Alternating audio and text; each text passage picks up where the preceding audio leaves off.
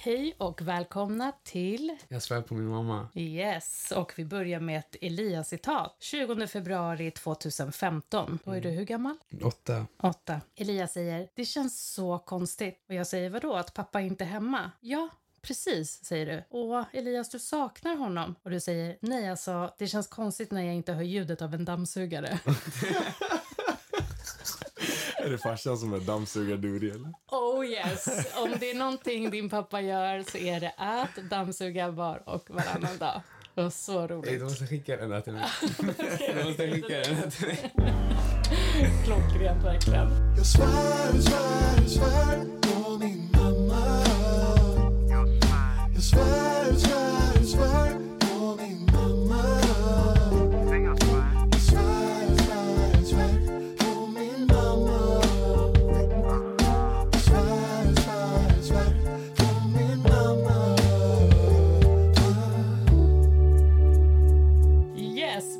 har ju en alldeles väldigt speciell gäst här hos oss idag som vi har eh, längtat efter att få ta emot. Och eh, du ska få presentera dig, vår secret guest. Eh, oj, Attila Joldas heter jag. Så speciell vet jag inte hur jag skulle säga att jag är, men tack. Eh, det är skitkul att vara här.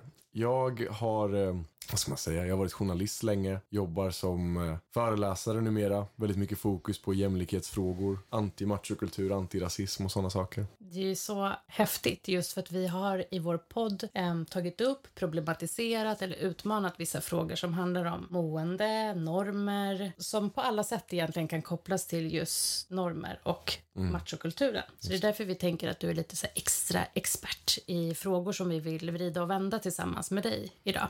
Det låter bra. Jag och Elias har ju liksom inte bara att vi är mamma och son och kan därför inte hålla med varandra i allting, så det finns ju också ett genusperspektiv. Att jag som bara har vuxit upp med systrar och Elias som bara har vuxit upp med en, med en bror så är det som att vi ibland också står långt ifrån varandra även i det.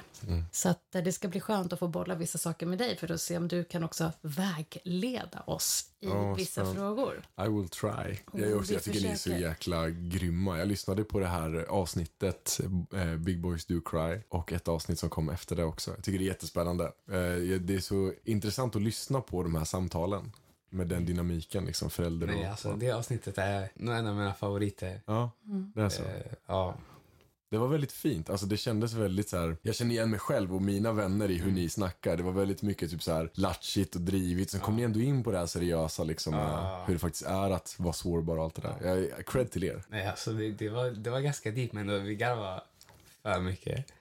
Nej, alltså, men ja. Det är ju modigt. Jag tyckte Ja, det var absolut. väldigt modigt. och absolut. att det var så ärofyllt att få ta del av det samtalet. För jag tänker det är ofta så ni pratar som vi, som jag som förälder eller andra vuxna inte får höra. För det är den feedbacken vi har fått av andra vuxna också. Att det är så härligt och att ni ger hopp också om den här generationen som många kan prata rätt illa om eller vara oroliga för. Ja, nej, alltså all, alla mina vänner, alltså speciellt Daril eh, som har varit med på podden, att vi kan verkligen, när vi snackar, vi brukar alltid bara, alltså vi blir som filosofer.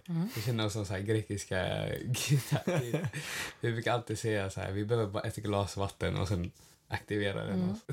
Men det betyder ju att ni går runt med mycket känslor och tankar. Ja, och vi- de vi behöver man brukar- bolla med folk liksom. Ja.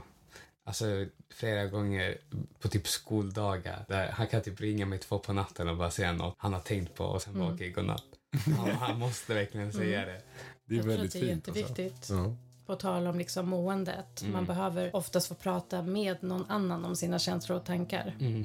För att få respons. Liksom. Mm. Jag tycker det där är ett fint sätt att bryta mot den här idén att det skulle vara superallvarligt och man måste sätta sig face to face och det ska dra ner stämningen totalt och man ska må dåligt efter. Det är så här, vi, jag och mina vänner snackar ju sådär också. Vi kan gå in i något ämne som är jobbigt, någon går igenom någonting tufft, vi snackar om det och sen fem minuter senare så roastar vi varandra och garvar sönder. Alltså det, man måste ju kunna ha allt det där. Balans. Ja, balansen är jätteviktig. Men hur kom det sig, liksom, kan du berätta lite hur det var för dig att komma i kontakt med tankar, känslor men också sätta ord på det?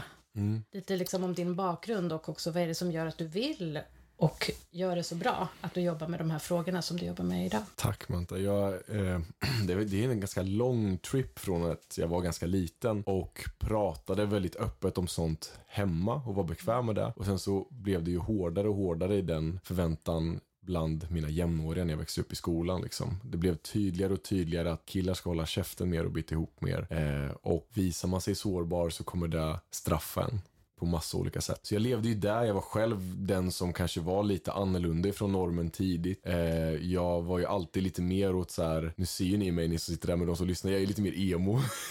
har alltid varit lite mer alternativ i mina uttryck. Så jag blev ganska retad och trakasserad när jag växte upp och fick ju tidigt lära mig att vissa grejer måste jag dölja för dem runt omkring så att inte de ger sig på mig mer. Liksom. Så jag vågade ju inte riktigt vara mig själv fullt ut. Och det i sig var ju ganska jobbigt. Isolerade mig själv väldigt mycket med mina känslor. Det var inte aktuellt för mig eh, Eh, när jag var i din ålder, Elias, att prata öppet med mina vänner om hur jag mår och känner och allt det där. Vi hade alltid lite av en så här, det var en breaking point där, en liten vägg typ. Så det tog ändå ett tag av att gå runt och tänka att det är något fel på mig och att jag borde inte vara så här känslig. Det är bara jag som bär på allt det här. För de andra grabbarna gjorde ju inte det framförallt. Liksom. Och att vara i det där år efter år blev man ju typ tränad på att bita ihop till slut. Det var ju det var den väldigt klassiska påverkan av just den typen av normer som jag själv växte upp med. Och insåg hur mycket sämre det blir när man biter ihop. Alltså det är så skönt. Jag antar att ni kan relatera. Det är så skönt att kunna prata öppet om sånt. Bara mötas bara, jag har också varit med om det där. Och sen så bara tar man hand om varandra och det liksom. Eh, och jag är så glad att de som jag har omkring mig nu, att vi har det. Liksom. Många av dem som jag är nära vän med nu har jag känt i typ 14 års tid. De första åren så pratade vi inte om det. Men så fort en av oss började göra det så var det inga konstigheter liksom. Det räckte med att någon sa någonting och sen så var det där superlugnt liksom. Varför har du inte gjort det här? typ. Exakt. Men man kanske inte vågar vara den som är först ut med att börja prata. Det kan ju kännas jobbigt. Liksom. Man är ju van vid att associera det med att om jag visar för mycket då kommer alla andra gittar ifrån. Liksom. Eller behandla mig illa. Liksom, så. Alltså det, sen när man väl känner att men det här var inte så farligt. Liksom. Man kan ta lite små steg så, så hjälper det. Det är en del i varför jag börjat engagera mig ur mitt egna personliga perspektiv. Liksom. Nu möter jag, jag är, är hoppfull tack vare er generation. För de jag möter nu är mycket längre fram än vad vi var när jag växte upp. Och det är bara typ en generation tillbaks. Så. Hur märker du det då? Men jag, jag föreläser mycket på, på skolor och allt ifrån mellanstadiet till universitet liksom. Och möter barn och unga som dels kan begrepp, alltså de säger typ så här, eh, fan vad skönt att någon kommer hit så vi kan snacka om intersektionell feminism. Jag bara, jag nämner inte ens det ordet i min föreläsning. Jag bara, du är 12, hur kan du det där ordet? Alltså, det är så här, jag hade ingen aning om det när jag växte upp. Folk som är med mer i matchen, folk som har mer koll på jämställdhet. Vi fick inte ens liksom, ordet feminism eller machokultur hördes ju liksom inte ens när jag växte upp. Så man kommer ju in i mer medvetenhet idag. Det är många fler som engagerar sig, många fler grabbar som säger ifrån mot skitsnacket. Det är liksom fint att se och det gör ju mig glad och ännu mer motiverad att man kan samarbeta. Eh, så nej, det gör mig hoppfull, 100%. Och det är ett viktigt perspektiv, för jag tänker att vi är så bra att oroa varandra. Alltså ur ett för- föräldraperspektiv så tar vi också säkert upp det som bekymrar oss eller det som inte funkar i en krets av föräldrar. Och så är det som att det reproducerar någon form av sanning och sen har media sin roll i det också. Att killar, den bilden som ofta beskrivs av de som identifierar sig som killar är ju våldsamma. Och det blir också någon form av förväntan eller beskrivning. Så att jag tycker det är Absolut. jätteviktigt att, jag hoppas också att podden är en del av alla de förändringarna. Att visa på att det här är också en, en förälder-son-relation och, och att Elias och hans vänner kan ha de samtalen som de har för att vi behöver visa nyanser. Absolut. Det är ju exakt de förväntningarna som fanns runt omkring med varje dag under uppväxten också. Och framförallt för oss grabbar som har utländsk bakgrund, det blir en ännu tydligare sån rasistisk fördom till och med om att vi ska vara ännu mer aggressiva, våldsamma, ännu mer av den här stereotypen liksom. Eh, och när man inte känner den någonstans i sin kropp så blir det ju en krock när det känns som att alla runt omkring förväntar sig att jag ska vara den där tuffa grabben som slår tillbaka som någon kollar på mig bara typ. Alltså det blir så här, så löjlig nivå. Att det ska eskalera fort och du ska göra alla de här sakerna och det glorifieras ju fortfarande på massa olika sätt. Så det är jätteviktigt det ni gör. Och på tal om rasism, det har vi ju också varit inne lite på, så vad vi ser som rasism och vad vi upplever kring det. Hur, vad har varit din upplevelse kring just rasism? Jag växte ju upp, till störst del i alla fall, fram till högstadiet så växte jag upp i, alltså som en väldigt tydlig minoritet bland alla i klassen jag växte upp med. Det var typ jag, kanske en till med utländsk bakgrund, sen var det bara svenskar liksom, eller majoritetsbefolkningen. Eh, så jag, alltså man säga, ganska tidigt kände jag att de, den grejen också krockade med mig, att jag skulle på något sätt anpassa mig efter svenskhet, vad nu det är, och att folk förväntar sig det av mig. Och det krockade också med min idé om att jag skulle vara en riktig man och allt det där. Typ som alltså, när jag växte upp i puberteten och fick höra hela tiden att när vi grabbar börjar få hår på kroppen, det är då vi börjar bli män. Typ, så här. Det där har vi att se fram emot. Så det skulle vara skryta om det nästan och jämföra liksom. I omklädningsrummen till gympan alltså. Så Där. man får rövhår. Ja, exakt, och inse att det inte var så jävla härligt att deala med liksom. Men det är ändå, man skulle ändå se det som en så här manlig stepping stone liksom. ja, så här. Ehm, och då tänkte jag också, okej men jag kommer, mitt hår kommer synas tidigt för alla andra är väldigt vita liksom som jag växer upp med. Och så var jag skitstolt, jag bara mamma köp korta shorts till mig, jag ska vara redo på gympalektioner liksom så här. Och så kom jag med mina shorts och var fett stolt över att mitt hår syntes på mina ben för att jag är väldigt blek och mina hårstrån var typ krulliga och mörka. Och då fick jag istället höra att jag var eh, hårig som en apa och massa sådana liksom så kallade skämt. Och det var ju fel typ av hår. Medan mina Kalles Kaviar killkompisar blev hyllade liksom för att nu börjar de bli män liksom med sina små bleka hårstrån. Så här dubbla måttstockar, så dumma grejer. Det låter som en liten sak. Nej, men för mig när jag var där 11-10 år så var det typ så här, ja men jag vill ha byxor igen. Fuck det här, det här sög ju. Failade igen typ. Det var många sådana små grejer som att man poängterade att, att jag och min familj inte var kristna, att jag växte upp som muslim. Allt ifrån liksom hårfärg till kultur till många sådana saker som jag själv inte hade börjat tänka på och kategorisera förrän alla andra runt omkring mig gjorde det.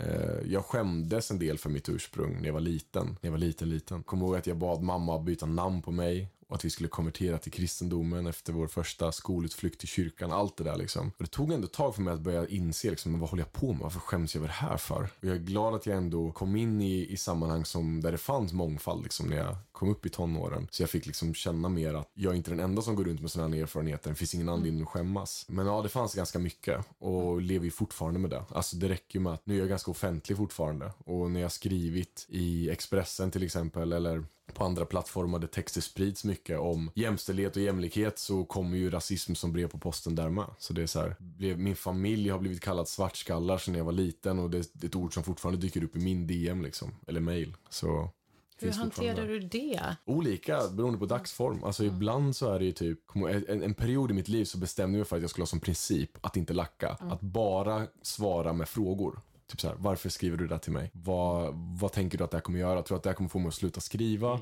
Vill du bara typ säga vad du tycker? Och ibland så var det folk som svarade typ såhär, oj shit, jag trodde inte det här skulle komma fram till någon, sorry. Typ. Medan andra blev ännu mer lacka. Det var ju, det tog mig en viss bit, de som typ bad om ursäkt så kände typ såhär, men nu, nu hände ju någonting här som ändå var vettigt. Men det var så många fler som fortsatte med det där rasistiska skiten. Så min princip nu är ju snarare att ignorera eller be dem dra åt helvete.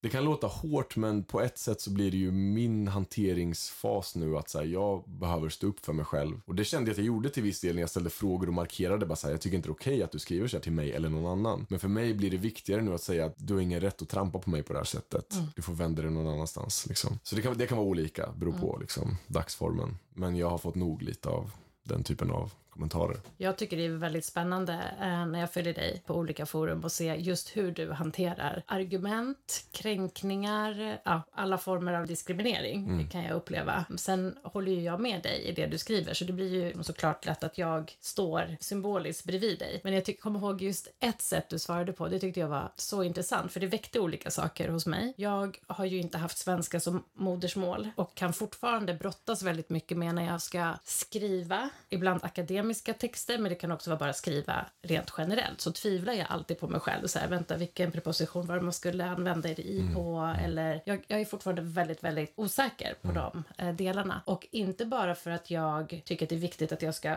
skriva rätt utan för att jag vet att det kommer komma en motreaktion och att det blir en förstärkning av att jag inte är majoritetssvensk. Och då var det i alla fall en... Eh, så, jag, så jag kan känna ganska mycket kring att skriva. Jag kan hämma mig själv ibland och ibland så bryr jag mig inte och bara kör och tänker så de kommer fatta ändå vad jag, vad jag menar. Sen om det är på eller i eller vad det är, who the flip cares. Men då var det i alla fall... Eh, just det, jag kanske har svurit redan. Får man svära i er, i er vi podd? kör på eller? det. Vi kör på Ni det. får blippa mig. Ja, men vi löser det. Nej, Eh, alltså, vi, Eller hur? Nej, vi har inga gränser. Men då var det en text i alla fall som... Du hade fått en massa skit i alla fall för du hade skrivit en text. Jag minns inte k- kring vilket sammanhang. Och den som hade skrivit så otroligt kränkande svar tillbaka, den hade du korrigerat och Ja, rättat. ja, ja. Sådana grejer är roliga tycker jag också. Det var så roligt. Alltså då? Nej, men personen som hade skrivit något kränkande Mm. hade gjort massor med olika grammatiska... Fel. Fel. Så rättar Så det. svarade jag bara genom att rätta den Exakt. personen. Liksom. Eh, Så svarade egentligen inte på kränkningen utan svarade grammat som att rätta liksom Ja. e- en text. Det tyckte jag var väldigt intressant. Så jag, jag liksom har förstått att du testar olika absolut. sätt. Och det kan, vissa upplever det som billigt eh, och typ så här under bältet och jag bryr mig inte längre. Jag tycker det var jätteskönt. Nej. För jag själv, precis som du beskriver nu, har ju känt jättemycket så här, åh gud vad nice när jag ser andra ge clapbacks. Alltså när jag ser andra som har utländsk bakgrund eller andra eh, kvinnor som står ut med sexistiska kommentarer säger ifrån och markerar tydligt och typ gör narr nästan av den här personens. Alltså det blir ju ett sätt att sätta ett ljus på hur dumt den här personen har skrivit och då kan en sån bara enkel grej räcka gott och väl. Och det är, så, det är så ironiskt också. Det är inte sällan som folk som är, eller det man kan se från deras konto, de är vita, svenska majoritetsbefolkningen, som kritiserar mig för att jag är dålig på svenska eller vad det nu kan vara. Som själva skriver jättemycket fel när de ska då attackera mig. Så här, kolla i spegeln brorsan. Jo, men det är ju jätteintressant också hur du testar dig fram. Jo. I, för det handlar om att hantera Mm. kränkningar och det handlar om att stå på sina två ben och känna att man Mm. i alla fall på ett sätt inte belyser det men sen så tar det ju, som du beskriver, det, det finns en gräns hur mycket skit man också Ja. vill ta. Det är så här, du kan inte skita i mitt vardagsrum. Min, mitt Instagramkonto är mitt vardagsrum. Ja, ja. Du kan inte bara komma och skita hur som helst i det. Precis. Utan här tar jag ansvar och säger att så här, där är toaletten, gå dit istället. liksom. Exakt. Men det Ja, där- jag tycker det det, är- intressant att se hur du gör. Det uppskattar jag verkligen att höra. För jag har ju också sett, och det är någonting som är återkommande nu de senaste åren, eh, när jag hamnat i sådana här icke-sakliga diskussioner. För då är det folk som är typ såhär, ja ah, men det, det är så här klassiskt dig, du kan inte prata om någonting utan att bara typ säga skämtsamt. Jag bara, kan det ha någonting med att göra med att du börjar kalla mig fjolla när du skulle inleda den här seriösa diskussionen? Eller alltså, när, när någon kommer in med den attityden så kommer jag inte ta det på allvar. Då kommer jag bara ge clapbacks. Jag älskar att ha sakliga diskussioner. Jag önskar att folk kände likadant. Men tyvärr så är det vissa som kommer in hat och bara vill veva och Ja. käfta och slåss och säga elaka saker. Varför ska jag ta det seriöst? Om jag hade sett dig på tuben och du kommer fram till mig och kallar mig fjolla eller vad det nu kan vara liksom. Och sen förväntar dig att jag ska svara sakligt och lugnt och sansat. Alltså det kommer inte hända. Det kommer bli det dra åt helvete där också. Men på sociala medier förväntas man kunna skriva precis Ja. vad som helst. Det skulle ju väldigt sällan du skulle säga saker in someone's face, liksom, som du skriver på sociala medier. Exakt. Men det är, en, det är en konstig förväntan. För jag, Mm. jag vill ha sakliga diskussioner. Och särskilt om de här ämnena, det är viktiga ämnen. Och jag har sakliga diskussioner ofta när folk själva är på det här Mm. sättet och beter sig så och kan föra en diskussion sakligt. Det är synd att dra ner sådana debatter och det tänker inte jag heller göra. Alltså, jag tycker också att det blir en skevhet. Om jag ser någon som jag vet är vettig som får bajsmackor kastade på sig. Sen ser jag den personen försöka deflekta där, typ så här. Jag hör vad du säger, så här tänker jag, hur tänker du om den grejen? Varför Mm. formulerar du just det här ordet? Alltså det är ju att köra med en vägg. Alltså, det är Mm. För de andra har med- redan bestämt sig, oftast. Exakt, exakt. Mm. Eh, hellre att påpeka hur bisarrt det är att bete sig sådär och sen lägga den energin i ett annat sammanhang, Mm. tänker jag. Men jag var ju ganska nervös när vi skulle starta podden just för att jag kände att eh, ja, men det blev lite så här föräldraperspektivet att jag ville skydda Elias också mot tänk om någon skriver eh, något rasistiskt liksom, eller kränker honom. Eh, det är klart att det kan komma till mig men det känner jag, jag är vuxen och det kan jag ta och jag säger inte att du inte kan ta det men det var lite så här beskydda instinkten och hittills har vi varit väldigt skonade. Jag vet ett Ja. avsnitt när du och dina kompisar spelade in då var det ju någon eller några tjejer som hade typ så här, ah, är det de här killarna man ska hylla nu för tiden? Men då hade ni svarat rätt bra på det så här, känner, känner vi varandra? Frågetecken. I don't, I don't know you. Vilket man ju... I don't know you. Helt rätt alltså. Här, Så- ni, ni känner inte ens oss. Nej. Typ sådär, Ja. Ja, men Och så nice. var det inget mer med det. Det var tycker det jag alltså var lite sarkastiskt intressant. de menade det typ att, Ja. aha, okej. ja. Mm. Ja, så får man ju känna. Men det är också så onödigt att skriva. Men Ja. det tyckte jag var schysst att ni hanterade det så. Nej, vi garvade typ åt det. Det var ganska skämmigt tyckte vi av oss att kommentera något sånt. Om ni får, jag brukar säga det här också till, till folk som följer mig. Typ. Alltså om, någon, om ni skulle få några sådana kommentarer, tagga in mig. Tag team. Jag tar över. Teamwork.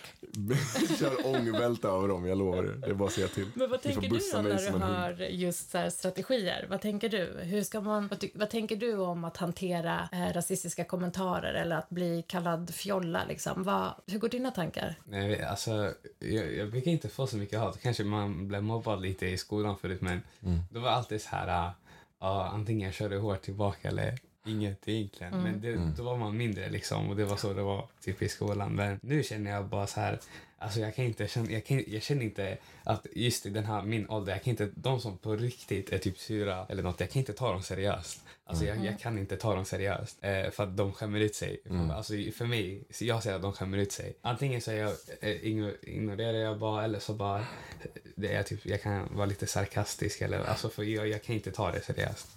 Men jag tänker som du, och särskilt när det är folk som har typ anonyma konton. Ja. Alltså du vågar inte ens stå för det du säger. Du är en fegis liksom. Alltså varför ska jag... Men det, det är sant. Men det är ju något man måste nästan lära sig förhålla sig till. Ja, alltså att folk kommer skriva Jag tror det är saker viktigt som inte är att... så nice. Ja, exakt. Tyvärr. Jag tror det är viktigt att testa olika strategier. Jag har ju testat lite olika. Just nu känns det känns som att jag försöker hitta en balans i det. Liksom. Men det handlar ju dels om att markera när saker är över gränsen samtidigt som man måste få stå upp för sig själv. Jag gick ju också igenom stor del av mitt unga liv med att bara vara tyst och tänka att så här, om jag bara försöker ignorera de som mobbar mig så kommer de ge sig till slut. Men det funkade liksom inte heller. Det fanns ju någonstans inom mig att jag ville säga ifrån. Och jag kände att jag inte vågade det, eller kunde inte det, eller vad det nu var som stod i vägen. Liksom. Och nu är jag på en annan plan. Nu kan jag säga precis vad jag känner och vad jag tycker. Och jag känner mig trygg med själv och allt det där. Liksom. Så då gör jag gärna det. Ja, i skolan förut jag komma ihåg, alltså i min gamla skola, då blev jag ganska mobbad ganska mycket för att jag var ganska, alltså skinny typ. Och ganska smal. Det känns som en Och klassiker. det, det är alltså. så här, det gjorde ont för jag, kunde, jag hade inget svar på det. Nej. Alltså jag kan inte svara. Varför? Jag, jag vet inte. Alltså, man, man ska ju inte behöva svara på det. Det är det som är så sjukt.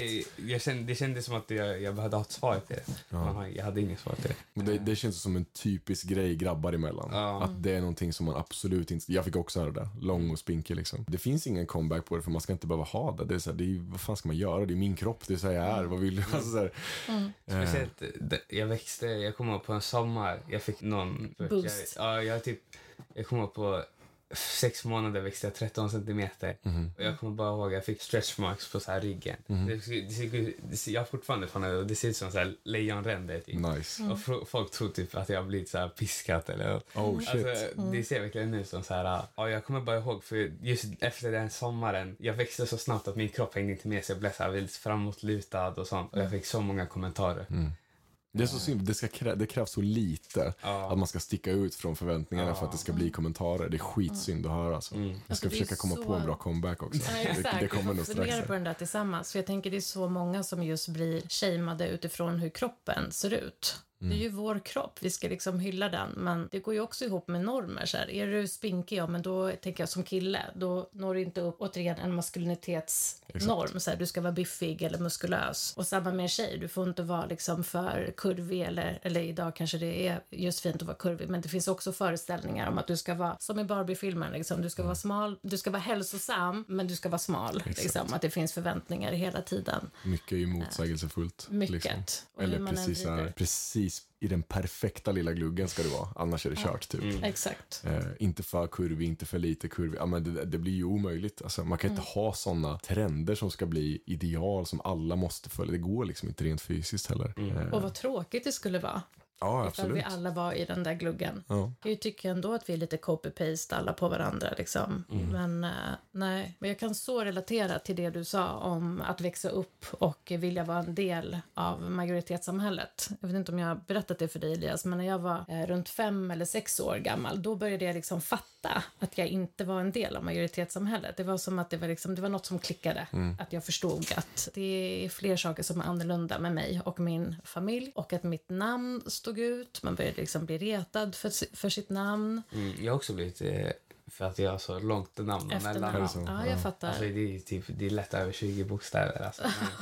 det, är Det är mycket. typ 25. det var alltså. svårt att lära sig stava om man var våra barn. Alltså. Ja. Men just hur jag kommer ihåg att jag sa till, jag började ha på mig så här Sverige-tröjor, att jag ville ha så här, mamma, pappa kan ni köpa Mm. eh, med flaggan på? Så här, okej, och de gjorde det. Det är också så intressant när man Mm. tittar tillbaka på det nu, så här, nej, men de gjorde det för de ville väl möta mig liksom halvvägs i det. Och på något sätt känner ju de också den här tacksamhetsskulden gentemot Sverige Mm. som land som tog emot dem och allt vad det är. Men sen så kommer jag ihåg att jag vägrade ag- reagera på mitt namn. Utan det var bara att de skulle kalla mig för Anna. För Anna var för mig det liksom mest kodade svenska namnet Mm. man kunde ha. Och där någonstans började de så här, okej fast vänta, du måste äga ditt namn, du måste, ja. Så Mm. många diskussioner kring det. Det där är så intressant för det är ändå, jag, på senare år har jag också börjat tänka på att jag har svenifierat mitt namn lite också. Okej. Jag har ju liksom en sån här en, ett S med en snabel mitt efternamn, Joldash. Mm. Men jag sa alltid Joldas för att jag pallade inte. och rättade aldrig någon som uttalade mitt namn eller efternamn fel. Ja. Eh, bara köpte det rakt av. Och sen så inser jag att det är en, en stor del av min identitet. Mm. Varför ska jag liksom inte... Men det var, det var någon gång när jag uttalade ett typiskt svenskt namn fel som den bara typ såhär, det, det uttalas faktiskt så här. Det är bara såhär, om den här kan göra det så ska Så jag också. kan jag också. Liksom. Ja. Men, eh, nej men jag håller med, jag relaterar. Det, det är en konstig grej att slå knut på sig själv över. Eh, Det, det är ju vi, det är ju jag. Mm. Alltså varför ska jag göra det lättare för någon annan? Brukar du när du bokstaverar namn ta etniskt svenska namn eller eh, försvårar du läget lite? Hur menar du då? Typ, eh, säger du A som är Anna eller A som är Aisha? Ja, när jag bokstaverar mitt eget. Alltså det, det har satt sig i mitt huvud, de här gamla. Eh, vilka är det? I som är Ivar. Ja, Ivar. namn som typ inte ens finns längre. Nej, det är klart det finns, men inte lika vanligt. Nej men precis, var det inte du som sa så här, Karin? Vem heter Karin nu för tiden? Så bara, jo Elias, det finns faktiskt folk som heter Karin. Men så här, utifrån din bubbla också. Var Men det kan vara lite kul. Jag var ändå så här, ey, det där är tuff ändå. Alltså, low-key- tufft lite- ändå. Nej, alltså inte tufft. Like, Det är typ coolt alltså. Ja, Ja. Karin 20, 2023, that's Vissa sådana namn börjar komma tillbaks. Exakt. alltså med, med kids nu liksom. Trends go back. Ja. Trends go back.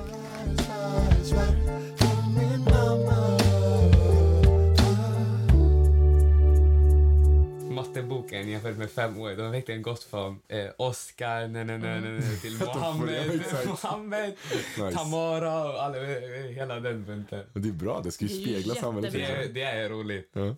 Och viktigt skulle jag Ja, säga ja, att det ja, är. ja, men eh, ibland kan vi skämta, det är roligt att skämta om också.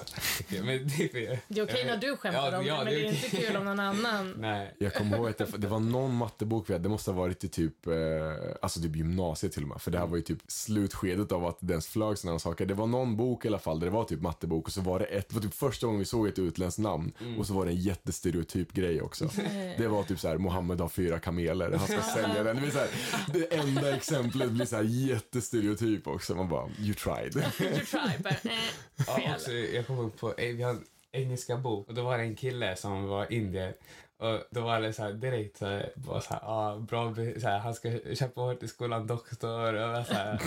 Klassikerna Han- liksom. Stereotyp också. Fast det, är Så ändå en. Mycket på sin dator. Bara, så. Ja, fast det är ändå en positiv stereotyp. Eller? Det kunde vara något helt annat. Det är varför, just på, varför just på... Men jag tyckte bara det, jag garvade åt det. ja. Och sen alla säga, ey Elias det är din kusin. Det är så intressant. jag, tycker, jag garvar åt det också, jag tycker det är roligt. Så länge de mixar in lite icke-stereotyper så Ja, så här. är det chill liksom. Fast på något sätt tror jag så här, jag har märkt att du har börjat garva ganska mycket åt när folk försöker komma in under huden på dig så har du liksom börjat garva. Men jag tror faktiskt att det är en ganska bra Vad menar du? eh, strategi för Mm. då känner de att För- de inte kommer åt dig. Ja, men det är för jag tycker det är bara skämmigt. Som jag sa tidigare, Ja. det är bara skämmigt. Och jag tycker det är roligt Mm. eh, att de kan inte liksom eh, se själva hur, typ, hur de skämmer ut sig. Men jag, jag, tror, jag tror det är en bra, eh, sund sköld också. Alltså när det verkligen blir att jag kan skratta åt det här. Jag tycker att det är kul för att de skämmer ut sig. Snarare än typ så här, jag försöker skratta bort det så att de kanske slutar liksom. Utan att verkligen försöka se det komiska i hur dumt i huvudet det de säger är liksom. Exakt. Eh, jag tror det är ganska bra också faktiskt. Mm. Men vi ska ju prata om den fantastiska boken som du har skrivit Från en kille till en annan, Mansboken. Tackar. Den har ju vi läst och vi har den faktiskt, jag såg den senast idag, skulle hem från jobbet. Vi har den på eventrummet på vår ungdomsmottagning. Ja, ah, fan vad nice. Just för att vi- vi tycker det är så viktigt att ha eh, litteratur, oavsett om det är skönlitteratur eller faktaböcker som representerar och ger fler viktiga perspektiv. Vill du berätta lite om vad det var som gjorde att du ville skriva boken och vad du känner att du har fått ut av den processen? Absolut. Alltså den, jag är så jäkla glad att jag fick skriva den boken. Då hade jag ju engagerat mig i specifikt den frågan i ganska många år. Eh, skrivit många kröniker om manlighet och machokultur och sådana saker. Om sexism och homofobi och allt möjligt. Eh, men då har det alltid varit liksom så här väldigt kort. Eh, det är en text där det ska vara begränsat med hur mycket man får skriva och man får välja en liten fråga och försöka göra så kort som möjligt. Jag hade så mycket liksom och det är, det är en så stor grej. Det är mycket mer än vad som får plats i en sån här bok som jag har skrivit ens. Eh, men där fick jag ju då möjlighet att koka ner och försöka sammanfatta det, den övergripande grejen som är machokultur. Och jag är väldigt personlig i boken, för jag försöker alltid vara det. Det finns liksom ingen vits. Jag hade själv tagit till mig mindre av en, en annan person som bara rabblar fakta. Jag tror det är viktigt att vi, särskilt vi som är killar och män, pratar personligt om de här sakerna. Pratar om våra erfarenheter, precis som du gör Elias, precis som många gör nu. Eh, våga vara sårbara, eh, även om det känns jobbigt. Och så fick jag koka ner de här olika ämnena, göra intervjuer med folk som jag ser som förebilder, likväl som forskare och experter liksom, i de här frågorna. Och försöka göra det lättillgängligt. Tanken är ju att mansboken ska gå att lägga i en ungdoms knä och så ska man kunna slå upp den och kunna ta till sig någonstans. Liksom. Jättestolt över det arbetet, jätteglad för det samarbetet med bokförlaget och de som ville ställa upp som in, på intervjuer. Vad skulle du säga är en så här topp tre-grej som du tar med dig från skrivarprocessen? Allt från vad forskare eller dina intervjupersoner vill skicka med. Som du skulle sammanfatta tre delar som du tycker är viktigt att lyfta extra mycket. Jag tror det är jätteviktigt att lyfta att, alltså en sak som jag ständigt blir påmind om, inte bara i bokprojektet, är ju att man, man vet väldigt lite. Alltså det är viktigt att vara ödmjuk i de här frågorna, för det kommer hela tiden ny forskning, man tittar hela tiden närmare på sådana här fenomen och frågor. Det är komplexa grejer ibland. Eh, jag lärde mig massor bara av att göra research till boken. Liksom. Jag tänkte typ så här, men jag har ungefär koll på vad jag vill få med. Och sen lärde jag mig massor som jag var tvungen att ta bort och koka ner för att få plats. Liksom. Så det är nog det att hela tiden fortsätta söka efter kunskap. För man, alltså, man växer, det blir så personligt. Det är inte bara fakta om vädret och så bara så här, ah, intressant om jorden. Utan det är fakta som blir typ så här, shit, hur passar jag in i det här? Det här, det här låter som att det handlar om mig. Liksom. Det är jätteintressant. Söka mer kunskap, försöka luta sig mot folk som faktiskt har studerat de här sakerna mycket. Man lär sig sjukt mycket av det. Och bara utmana sig själv kanske. Fortsätta Mm. försöka tänka som att men jag är inte färdig och jag vill fortsätta utvecklas. Jag behöver fortsätta rannsaka mig själv. Det finns alltid jobb att göra och det behöver inte vara där eh, jag är dålig utan det är typ så här, det finns mer jag kan få ur, ur mig själv. Jag kan bli bättre liksom. Jag är bra men jag kan bli bättre, typ så. Det är nog bra grejer att påminna sig om. Ja men verkligen. Jag tycker efter att ha jobbat många år med just våldsprevention så känns det som att när vi har försökt, alltså vi har jobbat mycket med så här, hur viktigt det är med ledarskap, att man behöver ha goda mentorer och goda förebilder oavsett om det är ens coach eller vänner eller lärare eller föräldrar. Vi behöver ha goda förebilder och luta sig tillbaka mot. Att vara en, en aktiv åskådare, så här, vi kan inte stå emot våldet och Exakt. begränsade normer. Vi behöver vara fler som går ihop och, och hjälps åt. Liksom. Så det är ledarskap, det är att vara en aktiv åskådare, det är att utmana de stereotypa könsnormerna och när man gör det, alltså just utmana stereotypa könsnormer, då är det som att man är så här feminazi, liksom, eh, feministen som vill alla män ont. Men egentligen, jag säger inte att jag inte har jobbat för, för tjejer och kvinnors rätt, men jag skulle säga att jag egentligen har haft unga män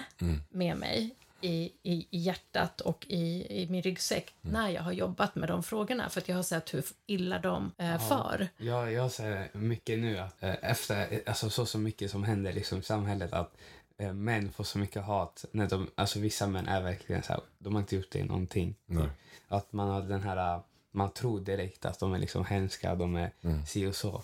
Men man har inte ens gett dem en chans eller man har inte, man har inte lärt, ens lärt känna dem. Liksom. Man tror bara de är hemska. Du tänker att liksom killar och män blir lätt slagpåsar på något sätt? Ja. Jo, men jag tänker mer så här, Men det är för liksom, alltså, för det var kanske orättvist och sånt. Och då är det så här, men det, det, det är svårt att svara på det också. Alltså så, man kan ju bara slå tillbaka. Man får ju försöka liksom hitta balans i det tror jag. Mm. För det, jag, samtidigt som jag också kan bli frustrerad när jag hör eller läser sådana väldigt, vad ska man säga, generella skildringar av killar och män. Tänker jag att ingen grupp förtjänar att bli så generellt dragna. Men har ju också full förståelse för att folk har blivit utsatta, att folk har mött de här sakerna som tyvärr är vanliga. Det är långt ifrån alla killar och män som är våldsamma. Definitivt. Alltså det skulle vara bisarrt att påstå det. Men tillräckligt vanligt för att många ska ha blivit utsatta för de sakerna. För att blivit kallade saker, hela vägen över till tafsade på, slagna, vad det nu kan vara. Och det är både killar och tjejer och icke-binära, alla människor liksom. Det måste man kunna se. Och det som blir bisarrt i det när, när många kommer in och typ så här, ja men det här handlar bara om att hata män och det här är bara anti-män och liksom, det här handlar inte om att ni vill hjälpa oss och allt, allt sånt där. Då blundar man ju också själv som kille och man för att Många av oss bär på erfarenheter av att vi själva har blivit dåligt behandlade av en annan kille eller man. För det är ganska vanligt. Det är betydligt vanligare att man blir misshandlad av en annan man. Det kan vara på en krog. Det kan vara efter en fotbollsmatch där det blir liksom slagsmål. Det kan vara kränkande kommentarer. Att en annan, en killkompis säger åt en vad du ska du skjuta nu eller jävla mes typ, sluta vara en fjolla, bit ihop. Det är en form av våld, 100%. Att pressa någon till att hålla käften är typ en av de värsta grejerna man kan göra. Istället för att stötta och finnas där. Det finns ju tyvärr mycket erfarenhet av att vi killar får lära oss att vi ska bete oss sådär mot varandra. Och det kan vi inte blunda för. Som sagt, många av oss killar har ju också den erfarenheten. Men såklart man inte ska dra alla över en kam. Samtidigt som man kan se det mönstret finnas där. Liksom. Och det hänger ju också på att det är alldeles för få som faktiskt ifrågasätter de sakerna från vår sida, bland killar och män, tycker jag i alla fall. För om majoriteten av oss som inte är våldsamma, majoriteten av killar och män som inte går över sådana gränser, som tänker att det där är fel, men som tyvärr också tänker, men det är inte jag som är problemet här, så jag behöver inte göra någonting. Det här är inte mitt problem att röra vid, liksom. Det är inte mitt ansvar. Då kommer man ju fortsätta se det där som, att säga, men okej, så vi har några i minoritet bland grabbarna som går över gränser och resten typ skiter i det.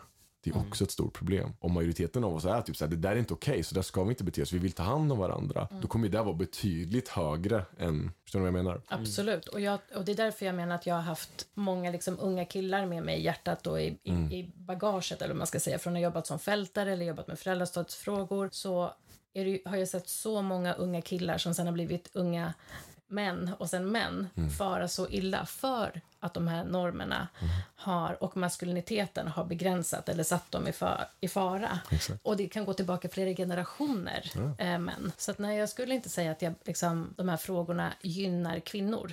Det ska gynna alla. Absolut. Det är ju det som är, ja, jag tycker att det är lite fel när man bara lyfter att det blir en liksom feministisk del som bara gynnar eh, kvinnor. Absolut. Men det tycker jag togs upp i Vik och såg Barbie-filmen här om eh, Vad dagen. tyckte ni då? Nej, den var fire. Alltså, jag typ, jag typ garvade ibland för jag fick lite så här cringe-attacker. Ja. Du vet när, um, alltså Kent, äh, vet han? Ken, Ken?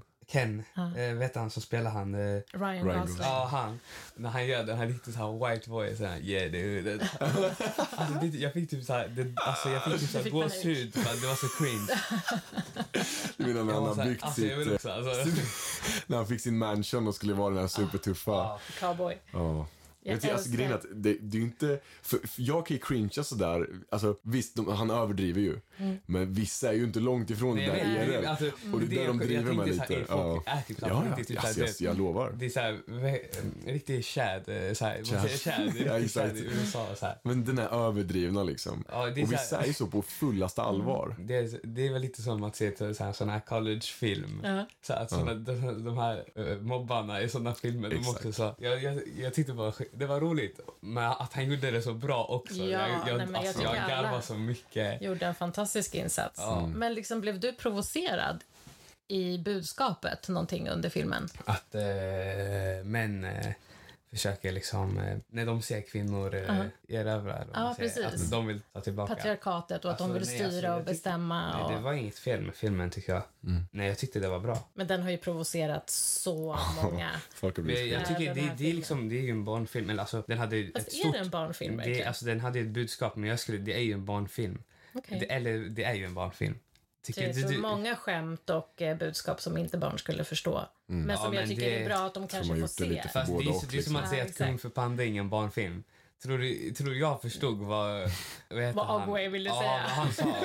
Nej, Men jag bara lyssnade inte. på vad han sa. Och bara, Jo, men den väckte ju ett intresse som gjorde att du fortsatte kolla på den och ju äldre du blev så kunde du snappa åt dig budskap. Så det är klart att jag skulle vilja Nu tittar eh, jag, nu, nu jag svär, jag har tittat om den och jag är så här, ey, alltså han preachar alltså. Ja, han på riktigt preachar. nu liksom. Så här, shit alltså. Men det är också för att du läser Jay Shetty och då ser du liksom Ja. likheter. Så det är så här, aha, är det det de har försökt eh, säga? Nej, men jag tycker att det var väldigt kul. Även om det är så här bitter smak av att det är en varumärkesfilm. Det kommer man inte undan och det känns lite så här, oh my god, hur mycket ska det här företaget tjäna nu på eh, Barbie? Så det, Nej, också den när, är- när de tog upp sådär. Birkenstock, eh, Det var vilken marknadsföring det här. Ja, faktiskt. Och jag bara kände, och, och jag som har två par Birkenstocks, då vet man att det är så här, Och ti- it's bad. Alltså, Och Tina som hade på sig så, jag var så min syster. Ja, it's bad, it's bad. Men förutom att det är en varumärkesfilm och det kommer man inte undan så tycker jag att jag också fick... Jag lekte jättemycket med Barbies när jag var liten och sen som tonåring och så här eh, starkt intresserad av feministiska frågor, då åkte de in i soptunnan liksom, allihopa och jag typ var arg på mina föräldrar för att de ens hade tänkt att de... Att, hur tänkte de liksom när de köpte Barbies? Men nu så fick jag ett annat perspektiv. Det var så intressant. Jag upplever att det är många som har kommit, alltså precis samma insikt som du berättar nu. Så som är intressant häftigt. att läsa också. Helt annat. Ja, nej, men jag tyckte det var... och På tal om att så här, samla, det är inte eh, faktabaserat nödvändigtvis, men att just tillåta sig själv att ha vidgade vyer och kunna vara okej med att se saker med nya perspektiv. Absolut. Vi är Det tycker jag Kenuff med. eller vad det var han sa. Eller han hade på tröjan. Alltså killräckligt. Det är faktiskt Killräckligt är bra. så bästa, bästa begreppet. Det var någon, jag, kommer, jag kan inte ge cred nu för jag kommer inte ihåg vad det var. Jag tror det bara var en tweet som delades som hade gjort den här jämförelsen att när det var Barbie Land och Mm. eh, kvinnorna ledde, då när kvinnorna hade makten så var, då kunde kvinnorna bara existera och männen kunde också bara existera. Det var safe. Man var inte i behov av någon av den andra. Medan när grabbarna tog över så var det med premissen att man skulle ha makt över kvinnorna. Ja. Och att det blir en sån intressant syn på det här, typ så här, men vad, vad är det vi vill åt? Ska det vara att den ena har mer makt än den andra? Eller ska alla bara få vara? Mm. Sen tar vi det därifrån. Sen gick det där åt liksom extrema håll och Såklart. skämtsamt sånt också. Men Såklart. det var sånt intressant där. Verkligen. Varför måste det gå ut över andra grupper? På bekostnad av, Exakt. av andra. Nej, men så, så intressant. Mm. Nej, Det, det, det var chill. Ja. Det var bra. Jag satt och fick, på tal om ert avsnitt om Big Boys eh, Cry. Jag grät på det där speechet som du började prata om. När hon, eh, jag kommer inte ihåg vad karaktären hette nu. Men Mamma. pratade om där, ja precis. Ja. Det är omöjligt att vara kvinna. Du ska vara smal men inte för smal. Du ska vara, ja men allt det där. Bästa det blev så talet.